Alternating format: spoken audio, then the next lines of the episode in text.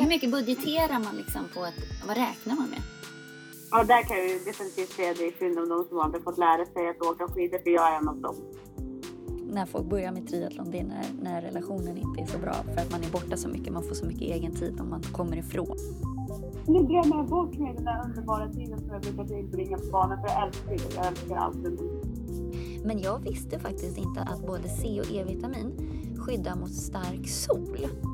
Det är ju också en övning i sig, sin självkänsla. Mm. För man blir liksom nekad. Och sen så, så här vänder hon sig om, då ser hon att han håller ett paket semlor i handen. Då försvinner all rädsla. Hej! Hej! Hur är det? Mm. Det är bra. Ja, Hur är det själv? det är bra. Det blev ju lite... Eh, vi hade ju tänkt att ses. Men eh, Ja. Ja, det blev inte så. så att, eh, av olika anledningar så är jag ju involverad i en eh, motorsport eh, aktivitet där jag är med och supportar ett lag eller en förare som ska försöka ta sig upp. Mm. Ganska ung förare och han kraschade. Så jag var prompt och tvungen att rycka ut och hjälpa till med vraket av motorcykeln och fixa det. Och ja, ibland kan det bli så eller hur? när man sysslar med sport. Ja, Och motorsport. Mm. verkligen. Ja, men Hur är det med dig? Vart sitter du? ja, men nu, jag är ju kvar på Sandhamn här. Det är världens finaste väder så jag är lite sugen på att komma ut här snart. Så att, eh, Ja, jag, jag är lite avundsjuk för egentligen skulle varit där med dig då. Ja, exakt. Nej, så det är mycket folk här fram och tillbaka och sådär. Så att, ehm, Det är mycket turister. Ja, nu börjar det komma. Det har ju blivit lite mindre här nu när sen Gotland runt starten inte går här och det, ja. Så att, ehm, Mm. men, men, ja. Men nu kommer de ut. Ja, men lite grann. Folk börjar väl ha semester nu och sådär. Så att, ehm. Mm. Du, vad ska vi prata om idag? Idag tänkte jag att vi skulle prata om dels eh, det här med sport och när man satsar på sport. Mm. Hur mycket är det rimligt att lägga på utrustning och hur mycket är det rimligt att det kostar överhuvudtaget? Dels för att hålla sig motiverad Mm. och dels vad spelar det egentligen för roll, Mm. utrustningen i samband med liksom hur mycket man tränar och så. Hur Mm. viktigt är det? Mm. Vi har ju varit inne på det flera gånger förut. Exakt. Jag har undrat lite grann och sådär. Men, men jag tänkte att vi skulle gå in lite djupare i det idag. Ja. Och sen så är det så att eh, jag har haft en ganska rolig upplevelse nu i samband med att jag ska ut på landet och inte har körkort. Jag har fått eh, hitchhika. Jag tänkte att vi skulle prata om det också. Mm. Yes. Ja, men cool. Men vi säger varmt välkomna till Ansvarspodden.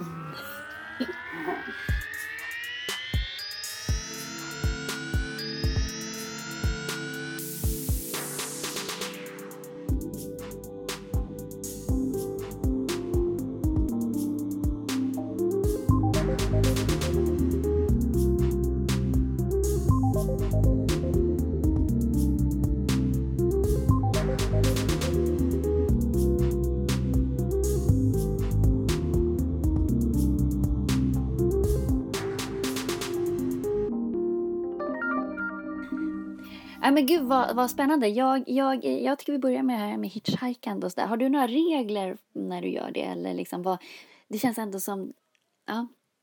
Alltså, du, när man tänker så här, Sverige är inte så jätte inne på det här med hitchhiken. Folk undviker gärna det. Ja. Dels för att vi har pratat förut om att man ska vara så självständig som möjligt. Man ska, särskilt liksom runt storstäderna, man ska helst inte vara beroende av andra och så vidare. Så det är lite, det är lite pinsamt om man hitchhikar när man är äldre. Liksom, var- varför har inte jag körkort? Nej, precis. liksom, jag spontant. Och folk också. Varför har inte hon körkort? Hur har hon hamnat i den situationen? Mm, Och då, då blir det liksom lite nedvärderande stämpel på det. mm, Men i själva verket så är det ju ganska miljövänligt mm, att göra det. Och det är ingen dum grej alls. Och följa regler, ja du, vad ska jag säga? Eh, Första grejen är ju att få en bil att stanna. Det är ju Mm. ganska svårt. Ja. Folk stannar gärna inte. Och folk stannar definitivt inte på motorvägar. Dels för att man Nej, men det är ju svårt. Nej, utan det är landsvägar då. då. Och eh, där är ju så här, tumregler, ge inte upp. Alltså vart åttionde bil kommer att stanna, inte, inte mindre än så. Liksom. Du, måste, du får inte ge upp. Så även om du har liksom vågat dig in och äntligen typ så här, räckt upp handen och, eller tummen och försöker hitchhika och så åker tre bilar förbi. Men Mm. ge inte upp.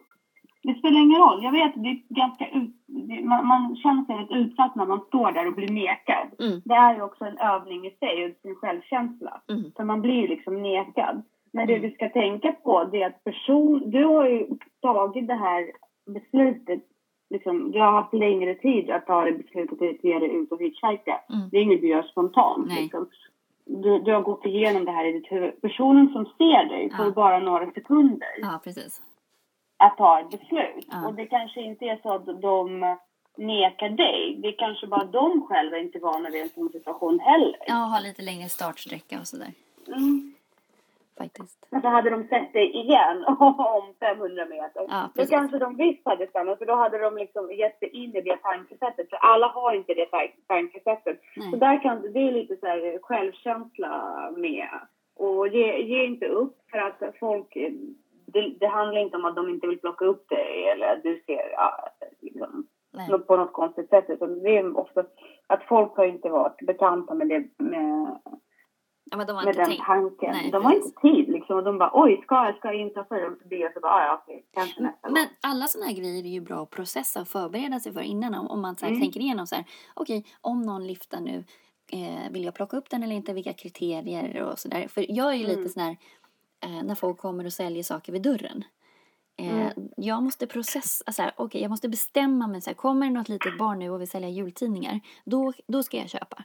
Men kanske inte. Mm. Alltså, så här, så att, annars så säger jag ju bara nej till allt för att jag kan inte spontan konsumera på det sättet. Så jag måste så här, ha en plan för Mm. vad jag gör. Nej, men jag, jag håller med dig och det är väldigt ofta som jag inte stannar för välgörenhetsgrejer ute på stan. De som jagar folk vet, och plockar upp folk eh, Nej. liksom så spontant in i city. Mm. Mobiloperatörer, Mm. ofta Amnesty, Mm. Greenpeace. Alltså jag, jag säger alltid nej till dem. Mm. Och det är för att jag, den där luckan i mitt sinne, den är inte öppen precis som hos dig. Jag vill inte bestämma mig för att stödja Amnesty Nej, när, jag letar efter en kjol på H&M Nej, liksom. precis. För mig är det svårare beslutsfattande mekanismer liksom. Ja. Och för andra så är det ju, då är man ju mer lättövertalad. Det är därför de är där också. Men jag är verkligen sån döds... Liksom, gå på för att jag kan inte ta det beslutet. Eller om någon telefonförsäljare ringer bara, men jag kan inte ta det beslutet just nu. Nej, precis. Och samma sak handlar det för mig om när liksom om man om det är personer som är utsatta som ber om pengar. Om Mm. de kommer förbi mig i tunnelbanevagnen till Mm. exempel. Mm. Då har jag mycket svårare när de kommer fram till mig. Alltså jag kan ofta gå fram och hjälpa till och liksom göra det, särskilt lokalt. Men det handlar ju om mental förberedelse. Ja. Liksom. Ja. Ja, jag är inte, jag är inte beredd på att eh, bli påhoppad på det här sättet. Nej. Men självklart, det betyder inte att jag inte hjälper till spontant när människor ber om hjälp spontant. Men det är lite annan... Jag känner det är lite annan eh, del Mm. som aktiveras då. Mm. Precis. Samtidigt som vi går ju igång. Hjärnan är konstruerad så att, att vi gillar, alltså vi får ju påslag av bra hormoner när vi hjälper till. Absolut. Att- Och, men, men det är ju det här att agera spontant, ta spontana beslut. Mm. Men det är också en sak, alltså övar man den delen av sin hjärna, då blir man ju också bättre på att ta beslut spontant. Ja, Precis. Så att man ska inte... för då är man ju förberedd. Just hitchhiking Mm. ett jättebra sätt att träna både sig själv, att inte ge upp, men Mm. även förarna liksom. Och, för de, de får ju ett incitament så att Mm. de börjar tänka på det för nästa gång. Mm. Så även om du inte får avkastning på en gång när man hitchhikar Mm. så börjar, sätter du på något sätt igång en liten rörelse bland alla de som åker förbi dig. Mm. Precis. Men hur, hur långt behövde du ta dig fram så då? Det var ju det var perfekt sträcka att börja liksom öva på för det här är ingenting som jag brukar göra jätteofta. utan, eh, Det var, jag behövde ta mig sju kilometer. Mm. Eh, ganska ranglig, mellan sju och tio skulle jag säga. Ranglig landsväg, bussen skulle gå om en och en halv timme och det skulle ta 20 minuter för den att åka den Mm. Så det var liksom, jag var safead på ett sätt jag skulle ändå komma fram. Mm. Vilket var ganska skönt också, för jag hade inte den stressen att jag måste få en bil. Eh, men men eh, det, all, det, jag skulle bara vinna på att få det. Vem var det som Ja. plockade upp dig då? Eller vad var det för... Ja, eh, och min tanke var så här, den som kommer stanna kommer förmodligen vara en man Mm. som är en hantverkare, för det var de som rörde sig i området mest vid den tillfället. Och Okej. då tänker man ju också så här, ska man hoppa in eller inte Mm. med en man i bil? Mm. Liksom så. Mm. Jag tänker yrkesarbetare på något sätt, i min mentala värld, det så här, känns som att det hade varit, en bil med logotyp hade varit tryggare för mig att hoppa in i. Mm. På något sätt. Mm. Jag vet inte varför. Varför tror du? Ja, alltså för då är det ju på något sätt... Alltså den har, är ute på ett uppdrag på något vis. Den kanske har en tid att passa. Det, finns ju, alltså det är ju som den här mm, historien som en kompis till mig berättade. Liksom, hon var på väg hem och gick igenom en park och så var det en kille som gick efter henne så blev hon jättestressad och liksom började gå snabbare och var urrädd. Och sen så, så här, vänder hon sig om. Då ser hon att han håller ett paket semlor i handen. Då försvinner all rädsla. För det är bara vilka föreställningar vi har. En kille med semlor kan ju inte vara liksom. Nej, precis. Han ska hem till sin familj och bjuda på semlor eller Ja. någonting sånt. Liksom. Precis, så att Ja. det, det är bara idéer vi har.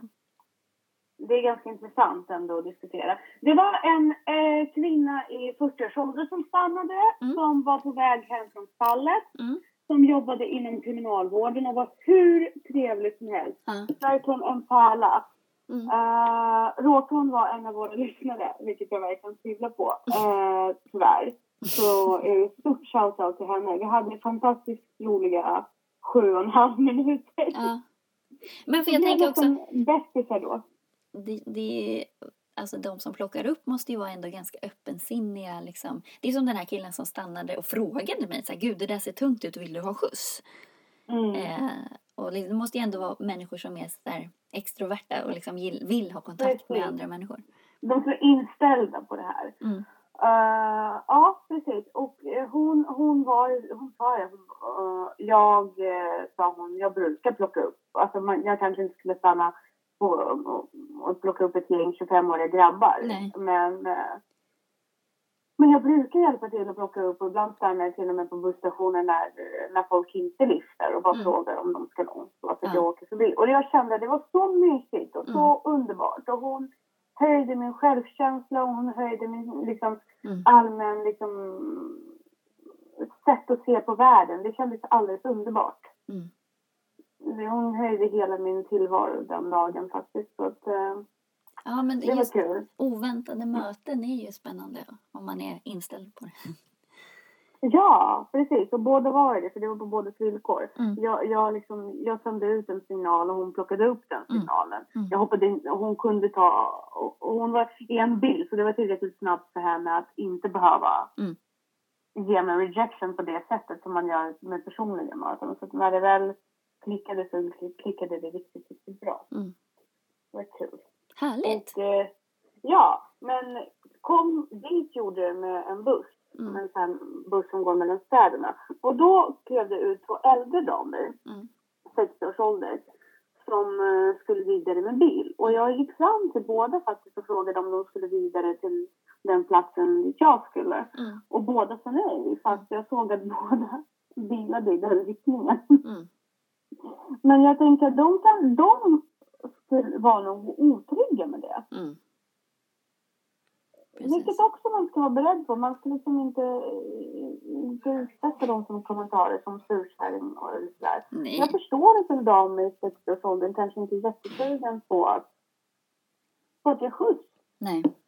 Nej, men absolut. Jag fattar det. Men det är ju, eh, det är ju skönare om man kan driva samhället ditåt. Att man faktiskt liksom pay it forward på något vis. Att man hjälper till. För då, det skapar ju också större tillit mellan människor och, och sådär. Och det, då blir man så himla ledsen och det är så här för jävligt när folk missbrukar det där och är elaka eller liksom ställer till det och liksom Ja. gör att man blir rädd och inte vågar. Det är ju så Ja. mycket nu också med så här rån och, och grejer i, i, i, runt, alltså i Stockholm, liksom Karlaplan och Östermalm och att det blir fräckare och fräckare och att de står och väntar inne i portarna och liksom det här med klockstölderna nu är ju helt brutalt. Mm. Att, Jo, och det är alltid en avvägning. ja, Det, det, det är det som är lite läskigt i den här världen. Men jag... Och där, där får man också prata om vem ska man sätta sig i bilen hos? Alltså Mm. säg att du är utsatt och Mm. behöver skjuts på det här Mm. sättet. Mm. Och det finns verkligen ingen möjlighet för dig annat än att hitchhika. nej. Men så stannar en bil och hur hanterar man att man inte vill åka med den personen? Mm. För det är ändå du som har bett om det. Ja, precis. Det är en ganska intressant sak. Och då, min grej skulle vara att sätta sig i baksätet till exempel. Mm. Jag skulle fortfarande behöva sätta mig i den bilen. Jag tror inte att jag skulle bara, nej tack, jag ångrar mig. Mm. Eller någonting Men är du så mycket säkrare i baksätet? Eh, nej, det är det inte. Men det är, eh, allt handlar om självförsvar om det kommer till den delen där man attackerar. Mm. Men jag tänker att det ändå, eh, man brukar se det med taxichaufförer också. Mm. Att sätter man sig i baksätet så har man ändå någon form av millisekund och lite mer avstånd. Ja, om de inte har låst. Ja, men jag tänker också att sparka sig fri för att man har fötterna på ett annat sätt. Mm. Och, och så. Men däremot, en, en bra knep är så här. Ja men gud förlåt, jag har precis fått samtal, jag kommer bli plock- upplockad. Tack ändå att du stannade. Mm. Då har man mobilen i handen. Mm. Precis. Till exempel. För, att komma- för det är ganska jobbigt socialt också. Man måste vara ganska socialt flexibel för att våga säga nej också. Mm. Verkligen. Så man, måste ha, man måste vara mentalt förberedd på den situationen. Kasta dig inte in i hitchhiking. Nej. Bara så här, det här är en rolig grej att göra, jag gör det. Utan förbered dig lite på olika scenarier. Mm. Precis som du skulle göra andra sätt. Precis. På andra sätt liksom. Mm. Och Det ha kriterier. telefonen är ganska bra. Så, ah, men jag får skjuts nu. Tack snälla, tack för att du stannade. Liksom. Mm.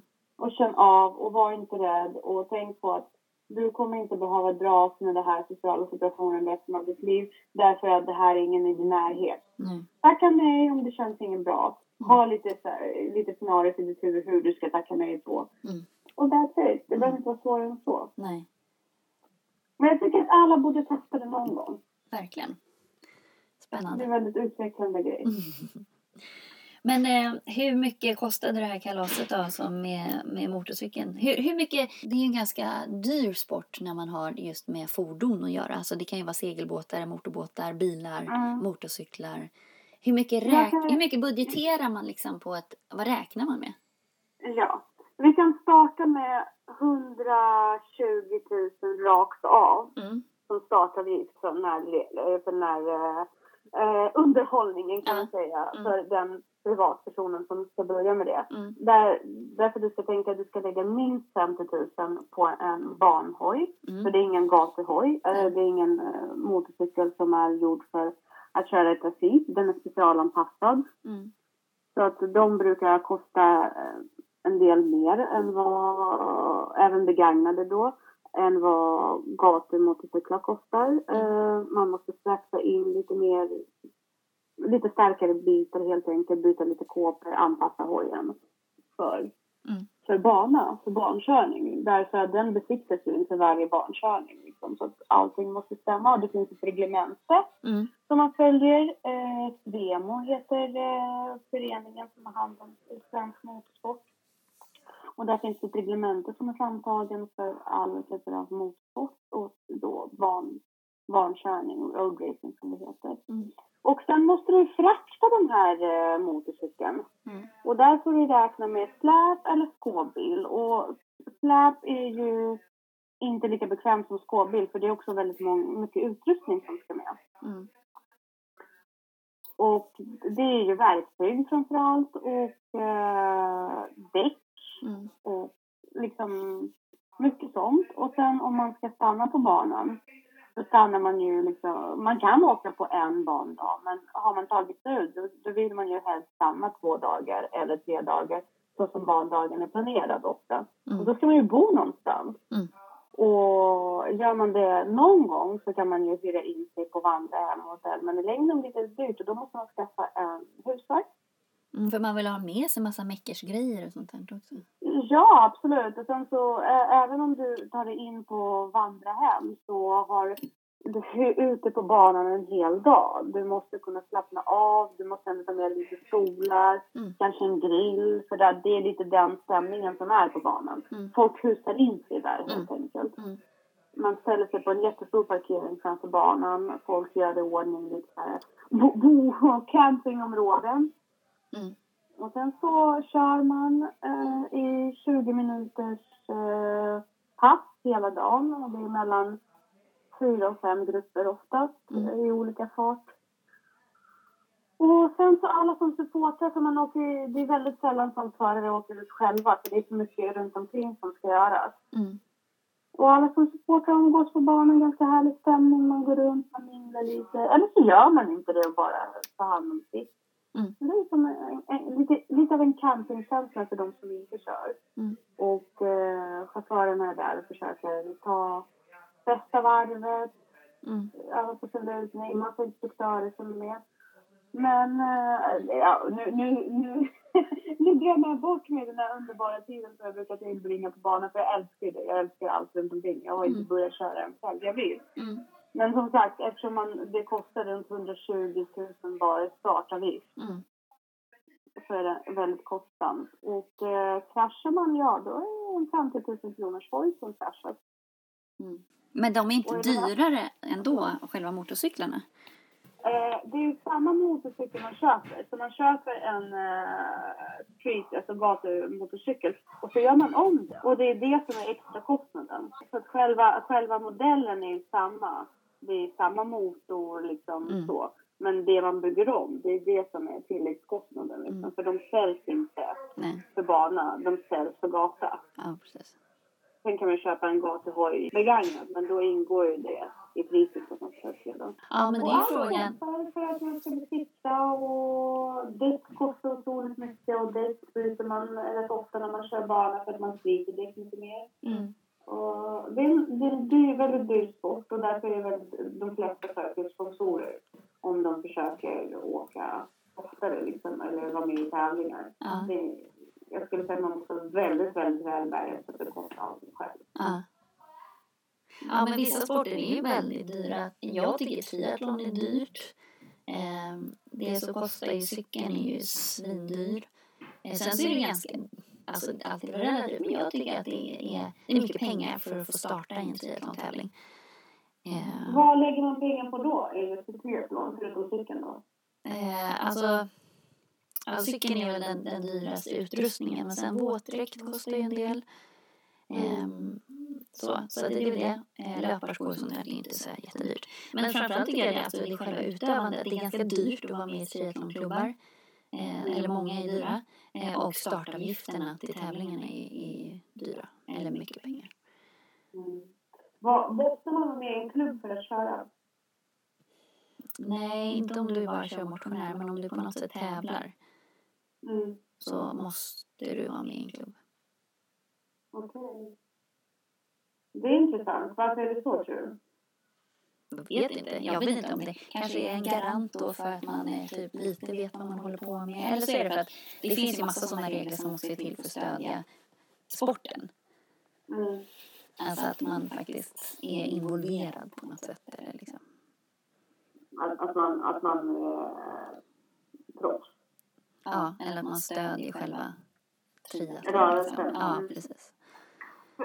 Så är det inte inom uh, roadracing i alla fall. Där kan man köra utan att vara med i en klubb. Mm. Men du måste ju inte vara i något stall eller någonting. Liksom. Nej. Nej, Nej. det måste du inte faktiskt. nej. Däremot så måste du ha en körlicens. Ja, precis. För att det ska garantera, alltså andra förare på något sätt ska vara säkra på att Ja. de som går ut på banan vet lite grann vad som händer. Ja, men det kan vara det, för att du måste ju ha en triathlonlicens för att tävla i triathlon och då kanske den licensen får du inte om du inte är med i någon klubb. Så jag vet inte. För det jag har tänkt på till exempel om jag ska vara med i en mountainbike-tävling. Mm. Jag tycker att det är läskigt Mm. med andra cyklister Mm. Som kommer köra förbi mig som är så här, jättemedvetna om att vinna. Jag vill ju tävla mot mig själv och min egen Mm. tid. Mm. Ja, Men men det det är finns många av dem som är rätt reckless och kommer Ja. bara köpa på. Men så kan jag tänka mig att det är lite som i simningen i triathlon. Där är ju folk, liksom, där blir man ju både översimmad och nedtryckt i vattnet och liksom, det är inte jättekul. Eh, men just också med cykel och cykla när det är trångt. För i triathlon så måste du ha 10 meter mellan hela tiden. Eh, så där blir det ju inte så trångt på det sättet. Men jag kan tänka mig i, i mountainbike, alltså så här, trångt i skogen och någon som försöker så här, trycka sig förbi, det är ju farligt. Ja, men precis. Och vissa partier är ju svåra nog att ta sig förbi liksom rent tekniskt. Mm. Och tänk då någon som ska in och... Åh, herregud. Nej, det, det är en läskig bild. Det är det som förhindrar mig att tävla ett tag till. Men får jag fråga dig, Mm. själva cykeln eh, och cykeln, liksom, eh, hur, hur du den, påverkar det Ja, väldigt mycket? jättemycket. Ja, jättemycket. Det gör det? Ja. Är, det då tyngden på cykeln eller Ja, det är tyngd. växellådan? Eller? Nej, alltså det, den ska vara så lätt som möjligt. Eller liksom, det är tyngden. Och sen så eh, ergonomin, alltså hur alla saker som... För, du vill inte ha så mycket saker, men även så här hur växlarna sitter, hur bromsarna sitter. Allt det ska ju ligga liksom så att det blir som en streamline, så att det inte tar luftmotstånd. Alltså det är luftmotstånd, ja. Och sen så att hjulen, du kan ju ha eh, helt täckta hjul eller hur, det beror lite på. Sen så finns det ju massa regler för hur cykeln får se ut. Alltså hur avstånd mellan olika delar och en tempocykel har ju andra regler än en, en landsvägscykel till exempel, eller en triathloncykel. De har ju olika hur mycket sa, långt fram sadeln får vara och sådana saker. Så att, eh, absolut påverkar det. Och hur många, alltså hur kuggarna ser ut och liksom, ja. Vad kostar en medelcykel? Medel. Jag tror att ska du ha en schysst cykel så ska du alltså köpa ny. Så f- alltså 50 uppåt. Alltså det finns ju de för flera hundratusen också. 50 uppåt? Det är ju som en motorcykel. Ja. Men oftast, det finns ju många som säljer begagnade så du kan ju köpa så. Men, men det är också så här, vad, finns det någon gräns för vad det är ansvarslöst på något vis att så här, eh, hålla på med en sport som, som tar upp både tid, alltså triathlon är också en sån sport som tar upp mycket tid. Och det kan ju vara mycket så här det i, om man har familj och sådär. Att man, speciellt de som kör Ironman och så, för de måste ju cykla så här 6-7 timmar. Då vet jag folk som, alltså så här, i extremfallen, de går ju upp så här tre på morgonen så att de har cyklat klart till familjen vaknar för att det inte ska liksom bli lidande. Och där är också, Nu får man in sova! Ja det är ett problem då. Nej men också vad, och vilka krav kan man som partner ställa om man då har någon som älskar att göra den här grejen och tar väldigt, väldigt mycket tid. Eh, har man rätt att, ja vad kan man ställa för krav då eller vad, hur tänker man där? För jag tänker också lite så här, en person som håller på med någonting som den gillar och älskar, oavsett om det är en motorcykel eller bil eller triathlon eller vad det nu kan vara, sitta och dreja. Alltså det måste ju den få göra, det är dens essens. Det kan man ju inte hålla på och grolla om. Alltså det är som om någon skulle förbjuda mig att göra. Alltså, ja.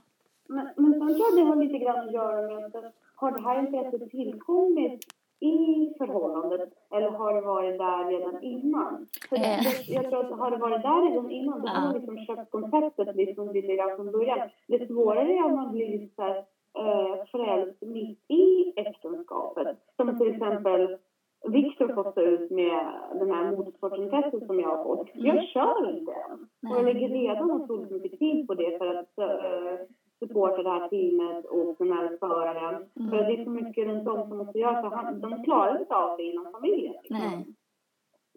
Så, Ja. och, och då är liksom, det är tid som jag tar för min familj. Och då, han är otroligt, min man är otroligt gullig och stödjer mig. Mm. För att han ser att det ger mig mycket annat. Mm. Liksom. Jag, det är liksom en hobby jag har. Mm. Men, men ändå liksom hur, hur mycket? För sen kommer jag börja köra och då är det mycket pengar som går. Mm. Vart sätter man stopp? Det finns ju en så här fördom eller så här ett litet skämt liksom, just med triathlon. Att när folk börjar med triathlon det är när, när relationen inte är så bra för att man är borta så mycket, man får så mycket egen tid om man kommer ifrån. Aha, Eh, men- ja, jag, kan, jag kan fatta den grejen. Jag kan verkligen se det. det är så här, legitimt eh, sätt att vara borta hemifrån. Ja, lite inte som att ha en, eh, liksom, det är inte som att ha en affär. Lite Men det är så. liksom gröna. Ja. Nej men det, är där, det är jätteviktigt att man pratar om sånt och, och faktiskt också har förståelse för det. Och, och är man orolig att man faktiskt säger men vad beror det här på att du plötsligt har fått det här intresset eller ja, är det, är det, är det något som annat eller är det att du faktiskt kom på att det här var kul? Ja, och men det är också så här, väljer man något, göra något som är kul utan sin partner, varför Mm. väljer man just det? Mm. Det är Mm. intressant. Ja, jo, det är men det är jätteintressant att ställa sig den frågan. verkligen.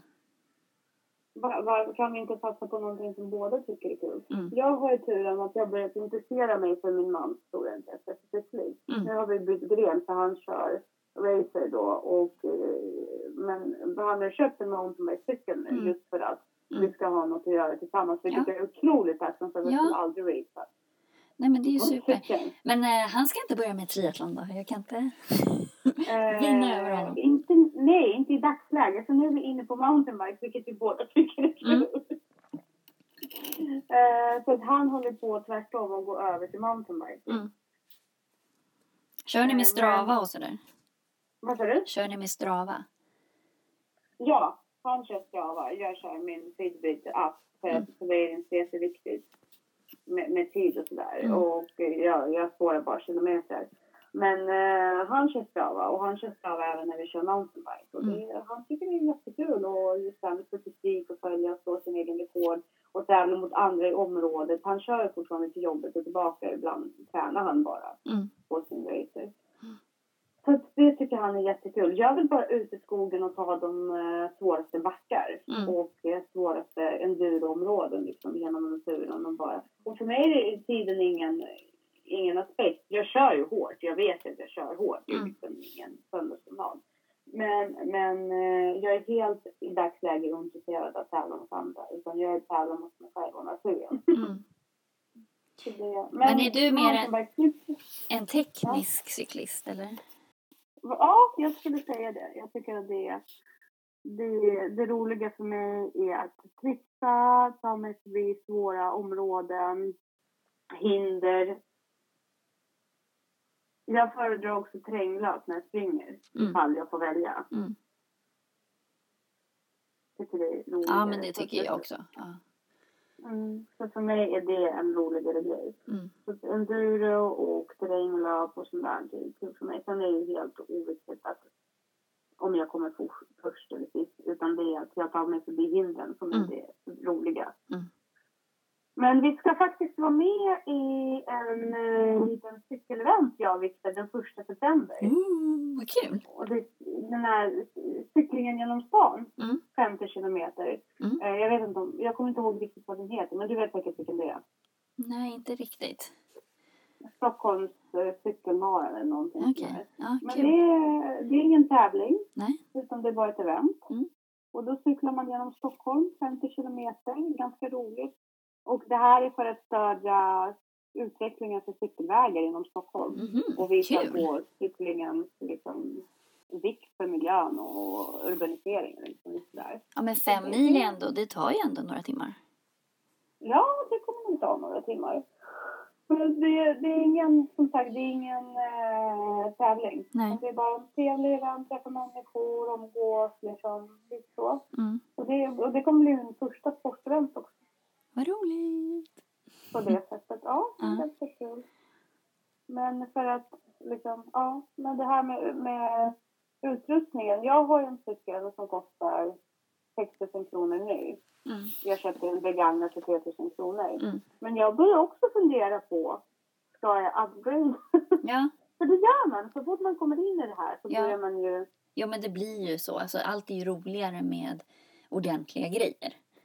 Sen Mm. så i, inom triathlon så kan man ju, där kan man ju också köpa massa saker som kanske egentligen, alltså så här, man, jo men man köper sig tid liksom. Våtdräkten gör ju att du får ett lite Mm. bättre flytläge och att man liksom köper sig sekundrar hela tiden. Men i grund, alltså i slutändan du måste ju träna. Alltså så här, du tjänar ju Mm. ändå mer på att, att träna bättre än att köpa sig till de här sekunderna eller minuter på cykeln. Så att, Ja, men absolut. ja. Jag kommer ihåg när vi pratade lite grann med dig om löparskor. Mm. Löparskornas pris har bara betydelse om du är ute och löper. Mm. Det är samma sak där. Mm. Det är helt och hållet. Men det, det har ju, alltså, det är just den grejen som har fått mig att inse att utrustning spelar roll. Det är Mm. LAPA-skor. För där Mm. såg jag otrolig skillnad i min egen trötthet och liksom, ja, som inte man orkar just med LAPA-skor. Men det... Däremot så undrar jag så här, för barnen, när föräldrarna helt plötsligt hoppar in i, i den här livsstilen. För Mm. nu funderar jag och Viktor på att dra tillbaka vår Mexikosemester i jul Mm. och istället köra en cykelresa till Spanien i höst.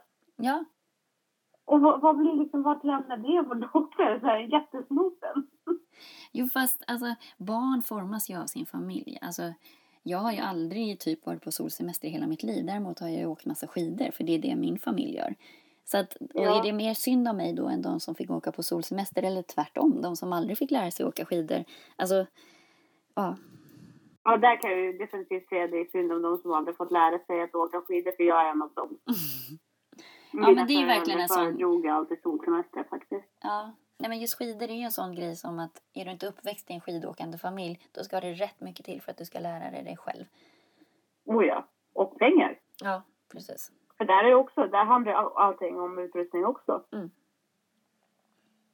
Nej, så att, eh, nej men det, det är väl bra och då får hon ju frisk luft och röra sig och sådär också. Ja. Så att det, det är ju helt två olika grejer liksom, det är inget som är rätt eller fel.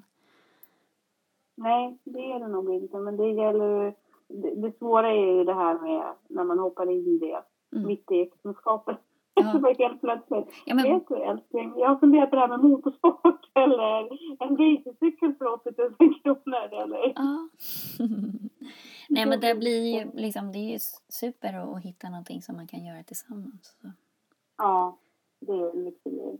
Det tycker jag att man, vi ska lämna våra lyssnare med idag. Mhm, Eller hur? En annan grej Ja. som jag kom på, när man, som jag kom på mig själv när det är så sommar och sådär, då tänker man inte så mycket på, jag är duktigare när det är mörkt och vinter och man är så lite hängig och sådär, att, att få i mig rätt vitaminer och sådana saker. Eh, men på Mm. sommaren så tänker man ju inte på det. Att man Nej. liksom, och så det är rätt coolt för att jag kollade, började kolla runt lite och sådär. Så jag har hyfsad koll på. Men jag visste faktiskt inte att, att, eh, om man, att både C och E-vitamin skyddar mot stark sol. Eh, för att jag har fått en liten så här pigmentförändring nu i ett, ett ärr som jag har. Och min kusin Mm. var här hon är superduktig på hy och sånt där. Eh, så att hon tipsade om det. E och C. Mm. Det Precis. är jätteaktuellt för mig som har ett jättestort ärr på magen nu. Mhm. Eh, från min operation. Mm. Så då borde ju jag också ta det. Ja men precis, du får inte sola på de här ärren. Ja, men det vet ju, det är jätteviktigt. Att, eh, för då, det kan ju verkligen förstöra läkningsprocesser. Mm. Så där får inte jag utsätta det för någon form av UV-ljus i typ ett halvår eller någonting. Mm. Jätteviktigt. Sen är det faktiskt att B-vitamin eh, skyddar Mm. mot myggbett. Visste du det? Jaha! För myggor gillar fan. inte smaken av B-vitamin. Mhm. Ja, det är också nyttigt att veta. Nu är det så att myggor biter mig inte, vilket är ett väldigt dåligt tecken har jag fått höra. Jag undrar vad det är. Det- kanske är att jag har ganska mycket B-vitamin. Ja, jo men det kan det ju säkert vara. Ehm, faktiskt. Ehm, och sen folsyra också är bra. Mm. Det är ju en, en form av B-vitamin. Eh, så det, och det finns ju i broccoli och så, apelsinjuice. Ja, det måste vara därför som jag inte vill bita någon myggor Eller hur? faktiskt. Sen är det ju jätteviktigt att dricka mycket. Mm. Och inte glömma bort det. Mm. För jag kan säga att jag är mycket bättre på att dricka när jag är på, i mina vanliga rutiner och arbetsplats. För då har jag rutin för det. Mm. Jag glömmer ju det. Mm. Så att eh, det är bara påminner det. Superviktigt. Superviktigt för muskelbildning. Mm. Superviktigt för återhämtning. Ja. Cool. Så mycket frukt och eh, grönt och eh, sol. Det är bra. Mm. Precis. bra. Och passa på att ägna er åt era hobby och saker som gör er glada och lyckliga. Eller hur? Men då säger vi tack och hej för den här veckan. Tack och hej! Hej hej! Hej!